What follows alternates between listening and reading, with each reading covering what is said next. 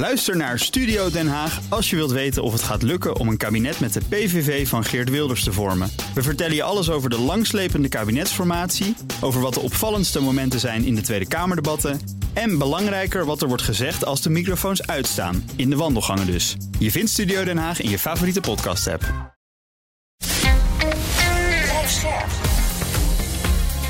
BNR Nieuwsradio. Boekenstein en de Wijk. Hugo Reitsma. Die camera's hier zo, die houden je dus constant in de gaten. En ik kan in de settings, in het menu, kan ik instellen dat ik geen waarschuwingen krijg als ik even achterom kijk. Maar weet ik veel, misschien kijkt dat ding of ik een Oeigoer ben. Of zitten er ook nog microfoontjes hier zo verstopt. Ik word er wel een beetje para van, die camera's die de hele tijd op me gericht zijn. En al die zaken, daar kun je ethische vraagtekens bij zetten. Maar de Nederlander kiest over het algemeen niet met zijn principes, maar met zijn portemonnee. En dus kunnen we voorspellen dat over 10 jaar de best verkochte auto in Nederland van Chinese makelij is. De collega's van Bright troffen de perfecte auto voor de Nederlandse markt. Veel waar voor je geld en de bezwaren zijn alleen maar van ethische aard. Met als gevolg dat Europese autobouwers waarschijnlijk worden weggevaagd en we nog afhankelijker worden van China. Een van de grote pijnpunten bij de EU-China-top van afgelopen week. We bespreken de uitkomsten bij Boekenstein en de Wijk. Op zoek naar de nieuwe wereldorde met de gast oud-China-correspondent Oscar Harsgragen. Hallo, goedemorgen. Oscar, ik zeg wel uitkomsten, maar waren die er eigenlijk? Het was een, een, een besloten bijeenkomst in het uh, State Guesthouse. Jiao Tai, een, een plek ooit door een 13e eeuwse keizer gebouwde plek om gezellig en rustig te kunnen vissen. Een heel mooie plek op weg naar het, uh, naar de zomer, naar het zomerparadijs. Ook makkelijk af te sluiten voor, uh, voor alle media. Uh, er is geen officiële verklaring uitgegeven. En her en der zie je dat uh, ambtenaren in de, de EU-delegatie, in de commissiedelegatie, wat tegen de media hebben gezegd. En dat stelt eigenlijk nog niet zoveel voor. Ik zag ergens genoemd dat de sfeer ijzig zou zijn geweest. Ik las ergens dat de, de woorden, het gesprek openhartig was. Oh ja. En als je dat hoort, dan weet je dat er, dat er een aantal directe noten zijn gekraakt. Ja. Wat zou nou het grootste punt zijn geweest? waarover uh, gesproken is?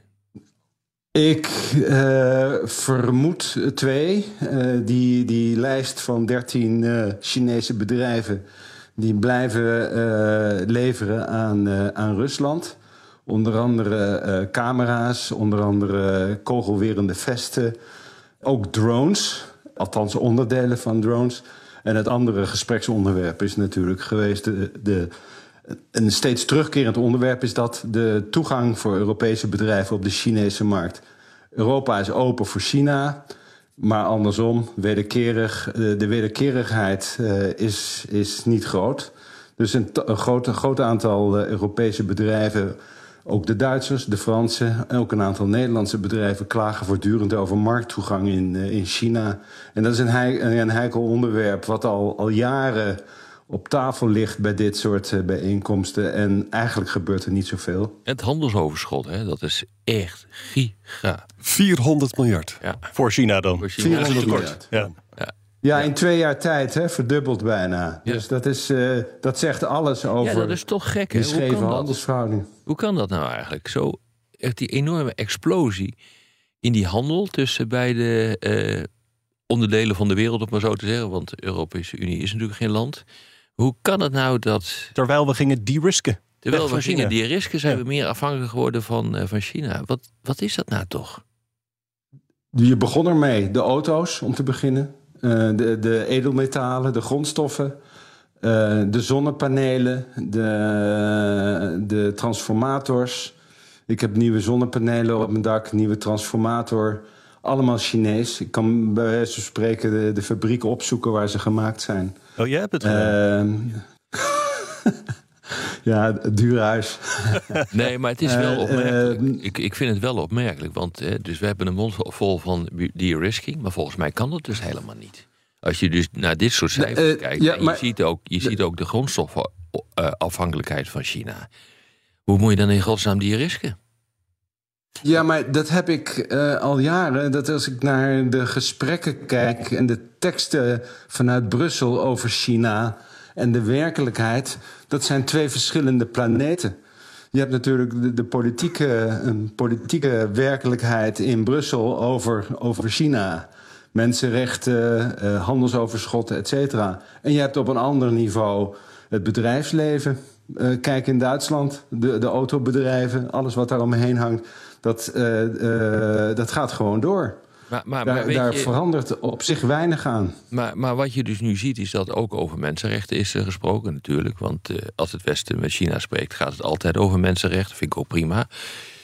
Maar die Chinezen kunnen toch zo langzamerhand de middelvinger opsteken. Met betrekking tot die mensenrechten. Als je dus praat over dit soort uh, handelsvolumes. Ik bedoel, er wordt uh, per dag wordt er voor 2,3 miljard euro aan handel gedreven met, uh, met China. Ik bedoel, dat is onvoorstelbaar. Nou ja, je ziet ook in de, in, de, in, de, in de Chinese pers, en dan met name de Global Times, zie je toch, toch regelmatig uh, verhalen uh, staan met als ondertoon van kijk die hypocriete westerlingen eens. Aan de ene kant zwaar, zwaar inzetten op mensenrechten. Maar hij laat naar zichzelf kijken. En bovendien raakt het natuurlijk de, de handelsstromen amper. Uh, ik zie het uh, als ik in Vlissingen over de Schelde kijk en ik zie de grote, grote Chinese schepen naar Antwerpen gaan. In corona, het begin van corona, was er een aantal weken een hapering daarin en was, het, was de Westerschelde heel, heel kalm. Maar tegenwoordig is het weer hartstikke druk. Je ziet het aan alles. Maar Oscar, dit is echt een heel zwart beeld dat we nu krijgen. We zien dus dat handelsverhaal wat jullie behandelden. Dat zit al jaren, wordt er over geklaagd. Er gebeurt geen donder aan. Er gebeurt gewoon geen donder aan. Het wordt alleen maar erger. Zeker met het succes van de elektrische Chinese auto. Nou, mensenrechten. Mijn stelling is dat wat wij ook over de Oeigoeren zeggen. De Chinezen zullen daar nooit naar luisteren. Gewoon nooit. Ook omdat wij zo afhankelijk zijn van de kritische mineralen. Nou, dan willen we nog een ander punt. Zou je misschien wat minder uh, Rusland willen helpen? Daar hebben ze natuurlijk ook over gesproken. Dat doen de Chinezen ook maar zeer matig. Want via een omweg helpen ze wel. Dus je gaat je afvragen... waarom is überhaupt von der Leyen en Michel daar samen naartoe gegaan? Als op omdat, drie... omdat Europa een probleem heeft, uh, Jan, denk ja, Wij zijn dus afhankelijk, hè? Wij zijn eigenlijk een soort uh, dependance van de... Ja. Zij, hebben, zij hebben alle kaarten in handen. Ja, weet je... En... Zij hebben alle kaarten... Nou ja, dat is natuurlijk nogmaals de, de, de, de, de, twee planeten. De, de werkelijkheid, de handelswerkelijkheid... de de, de prijzen, de goedkopere auto's, eh, de goedkopere zonnepanelen. De hele verduurzaming die natuurlijk uh, door, door China mede mogelijk wordt gemaakt. En aan de andere kant uh, de, de, de politieke werkelijkheid van de zorgen over de Oeigoeren. Er is afgelopen weken wordt er weer een, een, een, een journaliste van de South China Morning Post in China vermist. Daar hoor je, hoor je amper iets over. Uh, ik heb dat altijd twee planeten genoemd. En dat, zo is het nog steeds. Maar hier is ook iets verschrikkelijk misgegaan volgens mij. Herinner jullie nog dat je in, uh, in 2020 heb je dat enorme debat gehad over een, uh, een investeringspact. Ja. Dat er gesloten moest worden ja. tussen de Europese ja. Unie en, en China. Dat moest een opmaat worden van, voor een vrijhandelsovereenkomst of iets dergelijks, of een handelsakkoord. Uh, daar alles wat nu wordt uh, uh, besproken, werd daar ook besproken en daar waren afspraken over gemaakt. Hè? Ja. Bijvoorbeeld het, het, gedwongen overdragen van technologie was er zo een, dumping, daar werden afspraken over gemaakt. het handhaven van de ILO-regelingen, dus dat is de internationale arbeidsomstandigheden, dat doet dan weer verband met die Oeigoeren. Daar was een overeenkomst over. Wie heeft dat eigenlijk om zeep geholpen? De Europese Unie zelf. In verband met de kwestie Oeigoeren. Europees parlement, geloof ik. Zo. Ja, Europees, Europees parlement, is daar uh, voor gaan liggen, inderdaad. Ja. Dat, bij, bij, dat, ik vond dat toen een totale fout. Ik ook. toen ik ook. Is. We hebben er een podcast over gemaakt. Ja, exact. Ik vond het zo ongehoord stom om dat te doen. Want daarmee ben je elke, ja, elk instrument ben je kwijt om echt druk te kunnen uitoefenen op uh, China. Uh, wat we nu zien, Oscar, is dat nou eigenlijk een herhaling van wat er uiteindelijk in 2020 bereikt is. Uh, zijn dat dezelfde soort discussies? Wat, wat, denk je? Het zijn exact dezelfde discussies, want de, de issues zijn hè, technologieoverdracht, technologiediefstal, on, onevenwichtige markttoegang. Uh, ruim toegang voor Chinese bedrijven in, in Europa, amper toegang van, van Europese bedrijven in China, met name in de, in de telecom en, en, en andere relevante sectoren. D die discussies die zijn. ik kwam dit, dit document ook tegen ter voorbereiding van dit gesprek. En ik heb nog gezocht naar, naar of er en waar een follow-up zou zijn. Maar dat is een, dat is een stille dood gestorven. Ja, Daar hoor je niks meer Dat is verschrikkelijk? Er zegt toen Amerika zo'n enorm handelstekort kreeg met China, dat was de tijd van Trump, hè, die zeiden toen, nou, bom er tegenin, sancties, tarieven. Moet Europa dat dan niet doen? Ja, maar wij zijn Nou ja, de de, Amerikanen de- zijn wat dat betreft duidelijker en harder. Ja. Eh, de technologie-investeringen, een hele reeks bedrijven waar Amerika Amerikaanse investeerders niet meer in mogen investeren.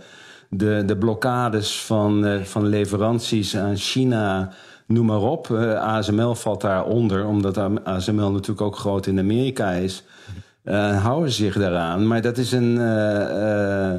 Amerika heeft een veel duidelijkere lijn. Biden heeft in feite de lijn van eh, ingezet door. Trump Ja.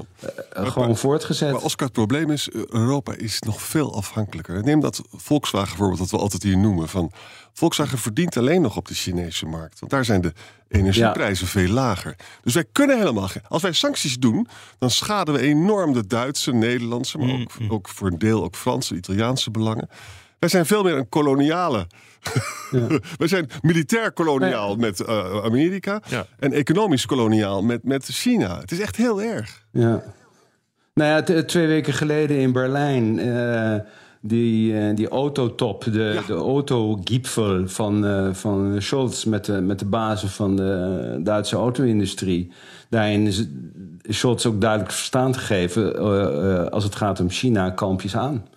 Eh, Wat is kalpjes aan? Wat je precies? eh, wat is kalpjes aan? nou, eh, geen, harde, geen harde sancties. Ik bedoel, eh, je, je zou aan kunnen denken. Het enige wat Europa tot nu toe gedaan heeft, is dat onderzoek gelasten naar de staatssteun aan eh, Chinese autobedrijven. Ja, ja. Nou, ik, eh, de uitkomst staat nu al vast. Ik bedoel, dat rapport kan nu geschreven worden, want iedereen weet eh, dat de Chinese autobedrijven, ook, ook Geely hè, en ook Volvo. Eh, gewoon royaal, royaal gesteund worden. Dat is een Eh, econoom in de Financial precieze- Times die zei dat de Chinezen een verlies leiden van 30.000 euro per geproduceerde auto. Dus Dat vraag je eigenlijk af waarom dat- die dingen nog geld Maar, kosten. maar ik zie antwoord dan, jullie stoppen heel veel geld in een batterijenfabriek. Wat ook weer waar is, hè? Is ook weer waar. Ja, dat klopt ook weer. Maar dat gaat nog heel langzaam. Eh, de, de eerste grote batterijfabrieken in Duitsland en met name in, in Frankrijk bij Duinkerken. Ja. Dat is pas voor 2026, geloof ik. Veel te laat. Dat zijn trouwens, trouwens type- Ja. Wat? Veel te laat allemaal weer in Europa, hè? Veel te laat. Ja, dat is laat. Ja. Maar, en het is aardige is, die batterijen die zijn weer afhankelijk van grafiet. En waar komt dat vandaan, jongens? Ja, galjoen. China. En dat geldt ook voor, eh, ik, ik haal die twee altijd door elkaar. De anode of kathode. Ja. Die komen uit China.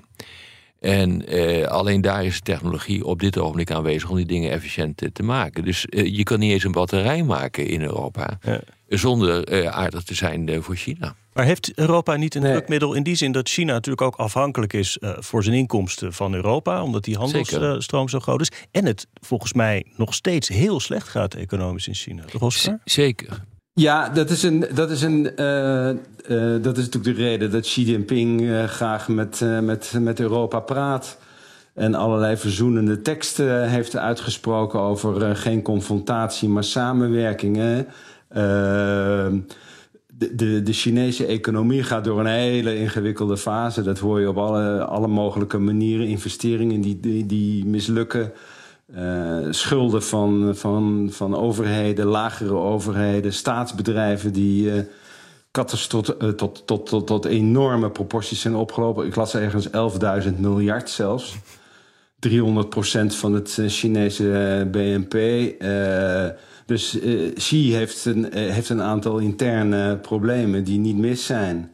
En hij heeft dus in die zin eh, Europa wel nodig. Oscar, mag je, Europa daar wat, als afzetmarkt. mag je daar wat over vragen? Want daar weet je veel van. Ik lees dan ook weer zo'n bericht dat, dat de jeugdwerkloosheid gigantisch is in China. Nou, dan komt weer de aloude klassieke vraag. Leidt dat dan weer tot een nieuw Tiananmen Square? Ik bedoel, als je geen baan hebt en de partij is corrupt... Hm. dan ga je toch de straat op. Waarom gebeurt dat niet in China? Ik, eh, eh, het is van deze weken een jaar geleden eh, dat hij in Shanghai, in de Wulamuchilu, in mijn buurtje, eh, gedemonstreerd werd met die witte papiertjes Ja. tegen de coronamaatregelen. Ja. Eh, dat is nu een jaar geleden. En zo langzamerhand komen de berichten naar buiten over wat die kids die destijds daar aan het demonstreren waren is overkomen. Een aantal is gevlucht naar Hongkong, een aantal is gevlucht naar Duitsland. Er wordt natuurlijk hard opgetreden. Ik zit ook, eh, net als jij, te kijken naar eh, en ook te luisteren en ook op, eh, op de Chinese WhatsApps te kijken naar, naar, naar, naar signalen van grote onrust. Die jeugdwerkloosheid. De cijfers mogen niet meer gepubliceerd worden. Hè? Dat is, het Chinese Bureau voor Statistiek heeft een verbod gekregen om de jeugdwerkloosheidscijfers te, te publiceren. Eh, ik ben daar ontzettend benieuwd naar. Ik, je, je hoort daar, en dat is natuurlijk een kenmerk van een politiestaat, je hoort er natuurlijk weinig over. Maar dat die onrust er is, dat staat vast. Jawel, maar dan kan die waarschijnlijk helemaal niet zo naar buiten komen. Omdat elke keer als er wat aan de hand is in China, dan eh, wordt erop eh, gereageerd met meer repressie. En het aardige is, de huidige industriële revolutie die ze voltrekt, dat is een datarevolutie. En laat Ja. China daar nou eigenlijk best wel goed in zijn. Ja. En die, eh, die datarevolutie met zijn kunstmatige intelligentie en Internet of Things en, en, en zijn sensoren en de hele bliksemse boel. Is uitermate goed om juist die repressie te vergroten. Dus ik bedoel, je hoeft maar scheet te laten of het wordt al eh, gezien en geconstateerd. En je kunt bij wijze van spreken worden opgepakt. En de Chinezen zijn nog beter Nou, dat in is- dat- surveillance dan de Russen. Hè? De Chinezen hebben nog meer camera's dan de Russen, om het zo maar eens te zeggen. Ja, eh, dat, eh, dat bedrijf eh, met het Europese hoofdkantoor in Hilversum, Hikvision, Oh ja, is een van de, is een van de, de bedrijven die dat hele systeem met, met Israëlische technologie heeft ontwikkeld. Ja, dat en klopt. verkoopt aan Afrikaanse dictatoren ook. En, en verkoopt niet alleen aan Amerikaanse, Afrikaanse dictatoren, maar ook aan Nederlandse gemeentes. Bo- Oh ja. eh, Borselen, waar de Nederlandse kerncentrale staat, Ja, heb ik gelezen. eh, eh, opereert met Hikvision apparatuur. Dat was een nieuwsuur. Hey, Oscar, jij noemde dat eh Xi eh, zoete broodjes aan het bakken was. Hele aardige dingen zei tegen Europa. Dat ging niet alleen over economie, maar klonk ook wel heel politiek. Hè? Dat, dat hij zei van China en Europa zijn samen wel van de globalisering en van de multipolaire wereld. Dat is dan toch weer een beetje, lijkt het, bedoeld om ons af te splitsen van de Verenigde Staten. zeg maar. Exact, exact. Dat wil graag. nou, nou, om nauwkeuriger, om ons gescheiden te houden in Ja. dit opzicht van de Verenigde Staten. Want eh, dat is natuurlijk eh, eh, Europa en Amerika samen tegen China. Dat is een situatie die, eh, die Xi eh, om allerlei, ook economische redenen, natuurlijk niet wil. Maar het aardige Dus is, wij zijn zo afhankelijk eh, van, eh, van China... dat hij ook wel veel speelruimte heeft, hoor. Ik zie. Ja.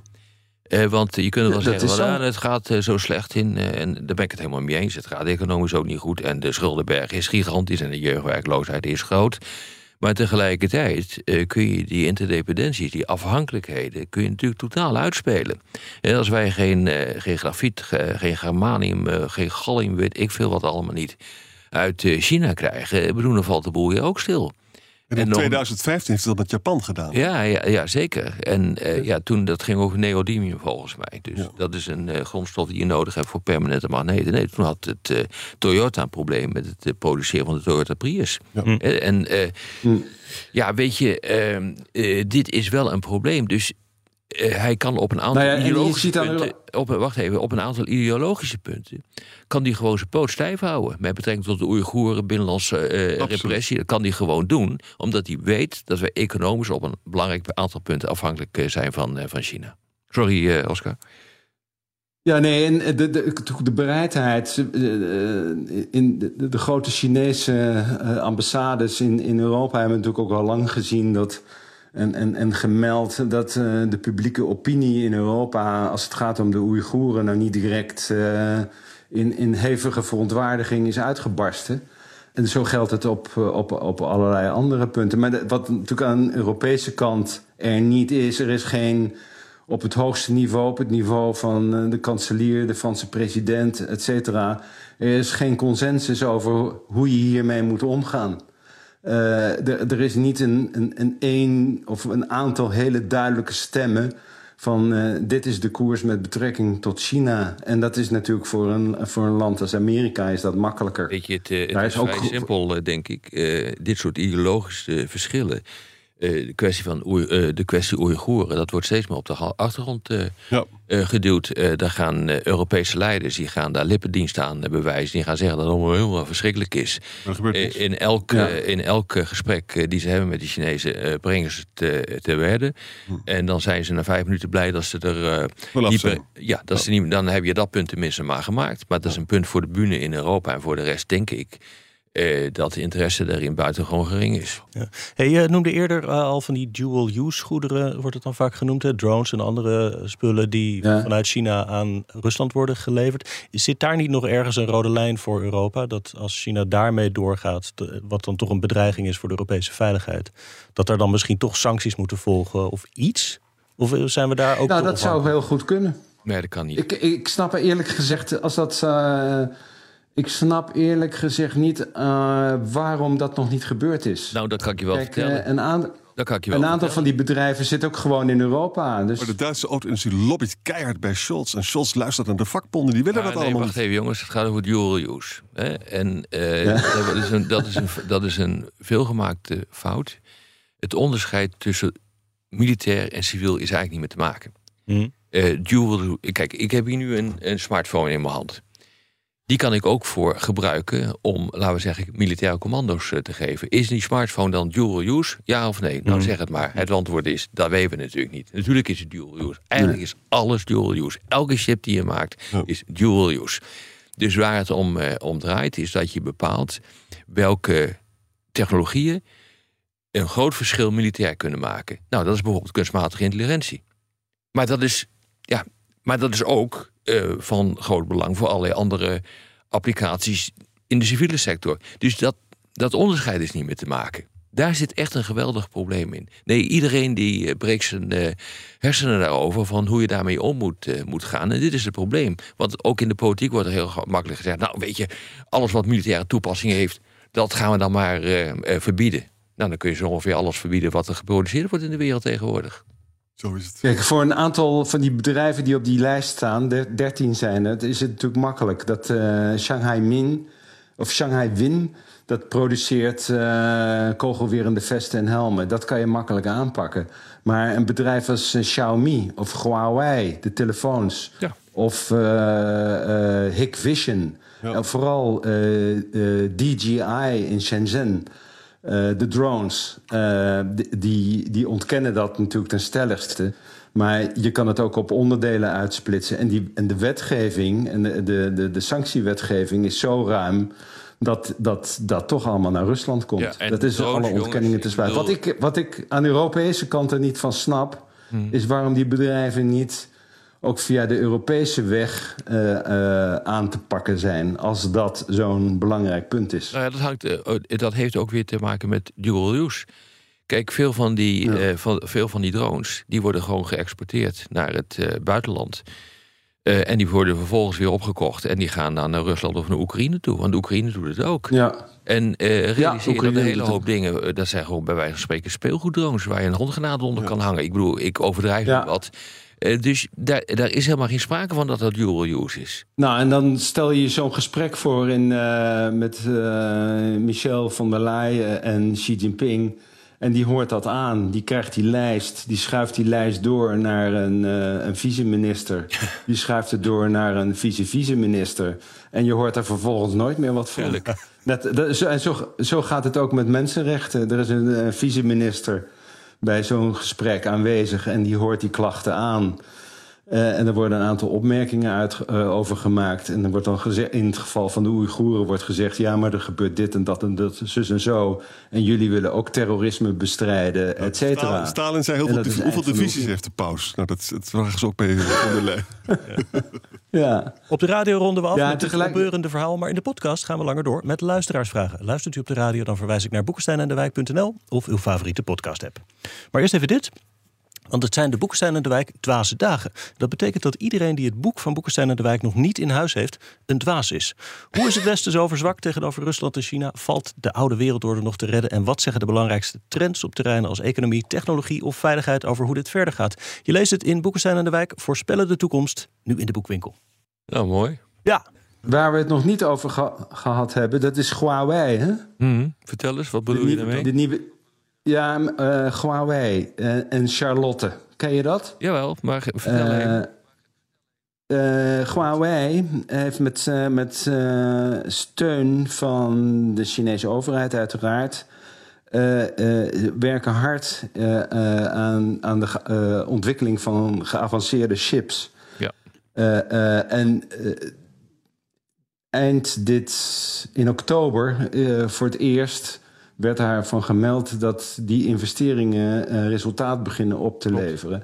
En die geavanceerde eh, Huawei maakt doorbraken op het gebied van de ontwikkeling van geavanceerde chips voor mobiele telefoons. Ja, heb ik En het gaat met name om de eh, Kirin 9000S. En die hebben ze in een speelse bui eh, hebben ze die chip eh, Charlotte genoemd. En Charlotte is een. eh, Charlotte, eh, onder leiding van Charlotte, eh, probeert Huawei de, de chip war te winnen. Ja, dat gaat ze niet En, lukken. Want ik heb begrepen van, op dit ogenblik gaat ze dat niet lukken. Ik heb begrepen van de echte grote experts op het gebied van chips... dat dit redelijk in elkaar geknutseld is. Nou goed, dat is een heel technisch verhaal.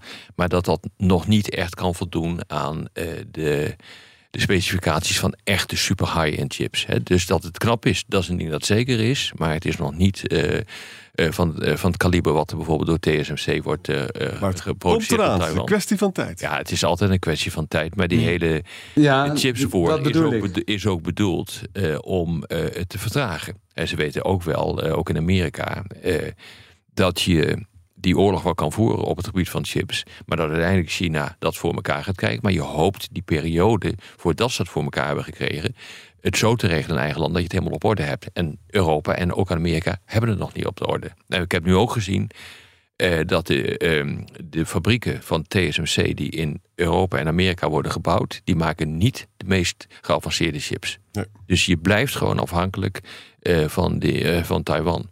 En China kan dat ook nog niet. En, en ASM, dit onderdeel van ASML, gaat nu samen met de Amerikanen en TSMC in Arizona aan de gang. Ja, ja, ja, ja zeker. Ja. Ja. Maar ik krijg wel de indruk dat het sneller gaat dan gedacht. Ik weet het niet. Ik, eh, ik vraag daar iedere keer aan mensen eh, die er echt verstand van hebben. Dat ben ik niet als het gaat over chips, want het is ontzettend technisch. En die zeggen dat het echt nog jaren gaat duren voordat ze dit eh, kunnen. Hmm. Eh, een vraag van Fred Zengers. In hoeverre vormt de export van hoogwaardige technologie zoals chipmachines naar China een bedreiging voor de Nederlandse nationale veiligheid, zoals het kabinet stelt? Is dat een bedreiging voor de nationale veiligheid? Ja en nee. Het is meer een bedreiging voor de economische veiligheid. Omdat als je dat gaat doen, eh die industriële revolutie door China echt gewonnen wordt. En dat is precies wat Amerika wil voorkomen.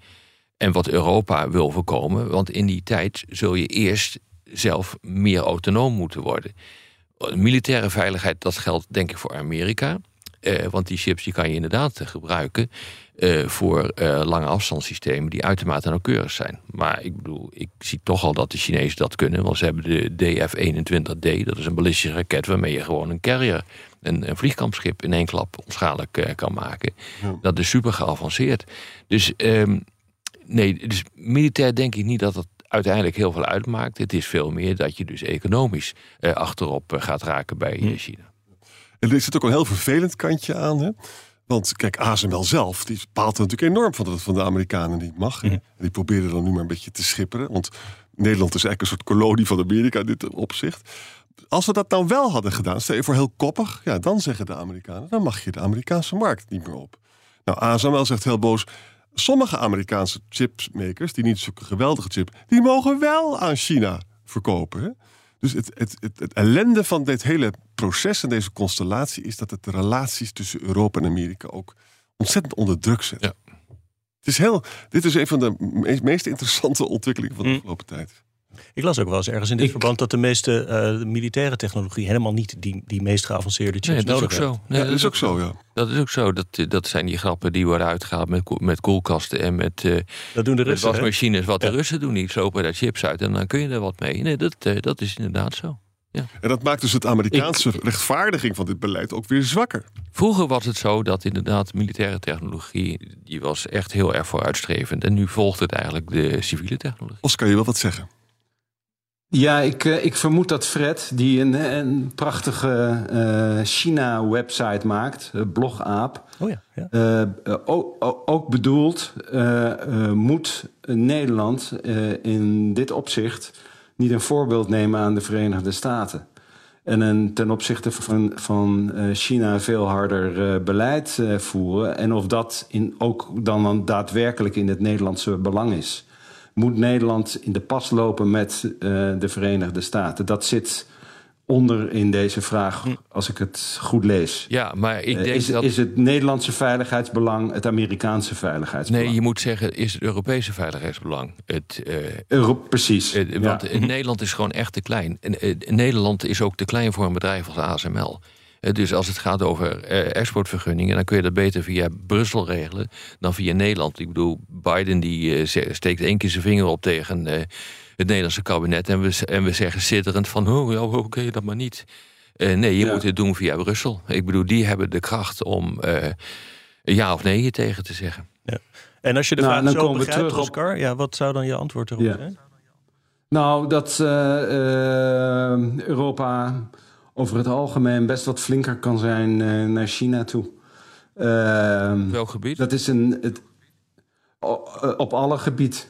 Eh, de, de- maar de, de, de, de wil, de politieke wil om dat te doen en ook de durf om dat te doen, is, eh, is, is niet aanwezig. Ja, maar nou, hoor nou, kijk dat- nou eens wat er gebeurt in Amerika. Hè? Dus eh, halverwege dit eh, jaar heeft eh, Jelle geprobeerd eh, zoete broodjes te bakken met, eh, met de Chinezen. Omdat ze dachten van eh, dit gaat niet goed, die koppeling gaat niet meer. Ze zijn nu ook overgegaan op de-risking, dus dat is een slagje minder. Eh, de, eh, de Chinezen hebben nu zelf eh, exportrestricties afgekondigd aan kritische materialen die nodig zijn. Onder andere voor het high-tech, maar in bijzondere, in bijzondere mate voor de chipsindustrie.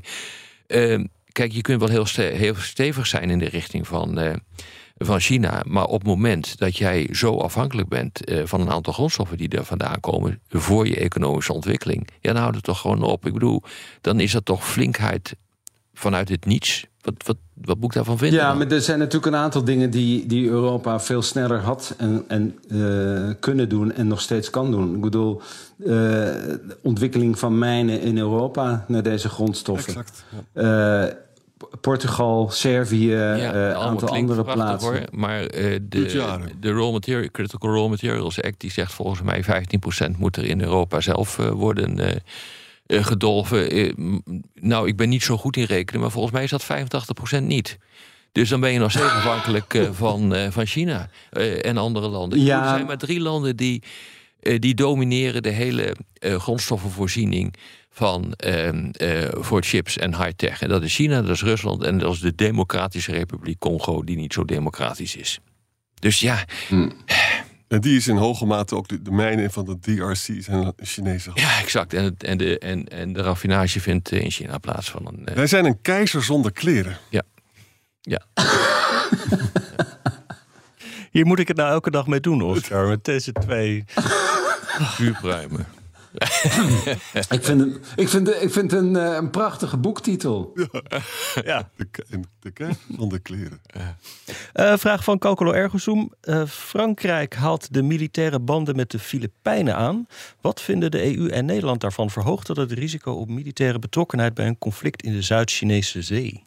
Natuurlijk, maar realiseer je dat eh, eh, Frankrijk het land is met de grootste territoriale wateren ter wereld. Hé, ja, dat heb ik wel eens van je geleerd. eilanden. Als je gewoon kijkt wat, wat Frans is aan territoriale wateren in de Indo-Pacific, dan, dan val je zelf van je stoel van verbazing. En Frankrijk is een Indo-Pacific state.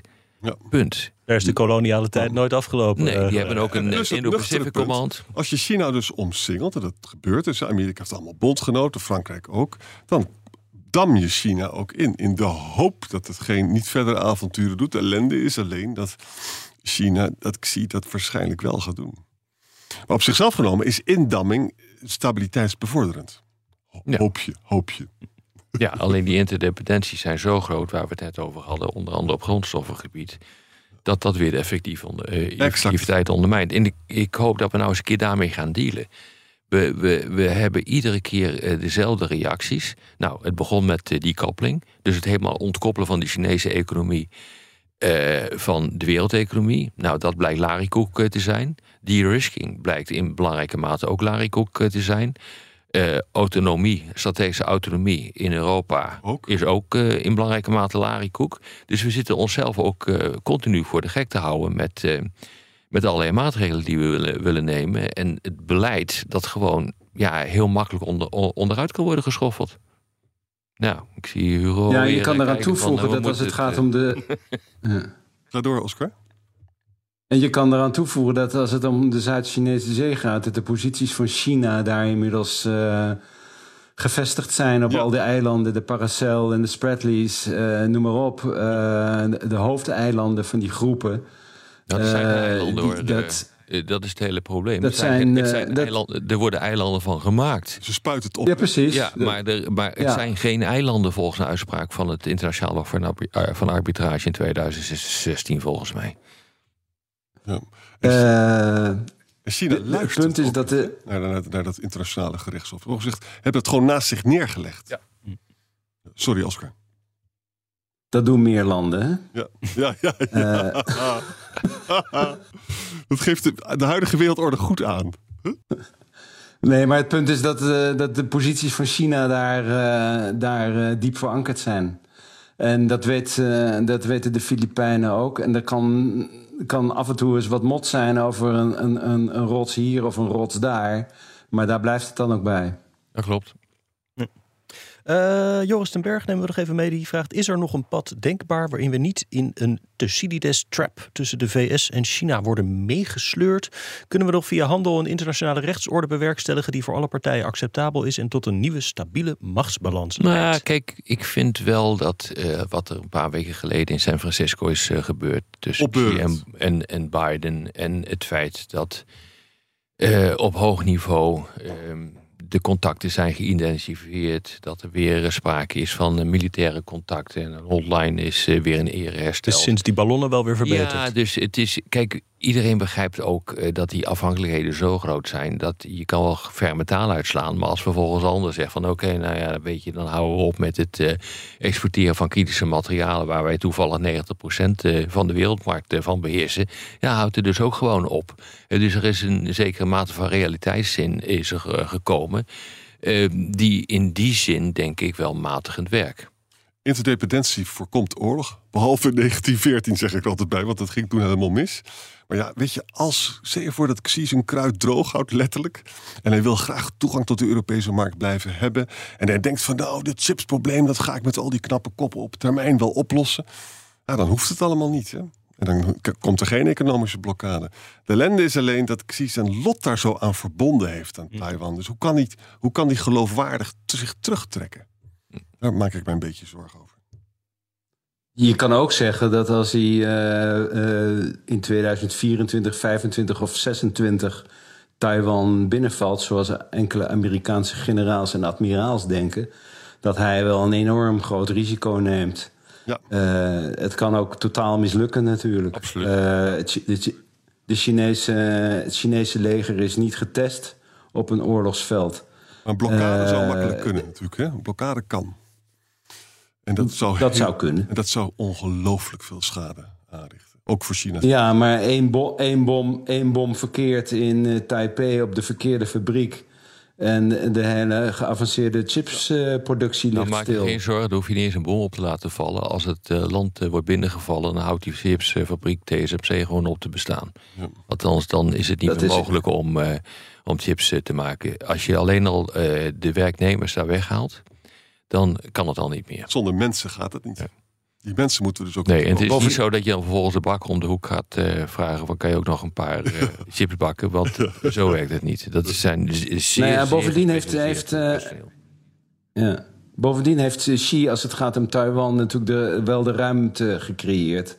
Hij heeft uh, gezegd dat, het natuurlijk, uh, dat ze er de ruimte voor hebben tot 2049. Als de, de, de wedergeboorte van China een feit moet zijn. En China en de, en de Volksrepubliek zijn honderdste verjaardag viert. Ja, klopt. Dan hebben we nog even. Dat is fijn. Dit was weer Boekenstein aan de Wijk. Namens Arjan Boekenstein en Rob de Wijk. Dank voor het luisteren. Speciale dank aan Oscar Gaarschagen. En fijn weekend. Bij BNR ben je altijd als eerste op de hoogte van het laatste nieuws. Luister dagelijks live via internet. Bas van Werven. En heel langzaam komt de zon op rond dit tijdstip. Je krijgt inzicht in de dag die komt op BNR, het Binnenhof in Nederland en de rest van de wereld. De Ochtendspits. Voor de beste start van je werkdag. Blijf scherp en mis niets.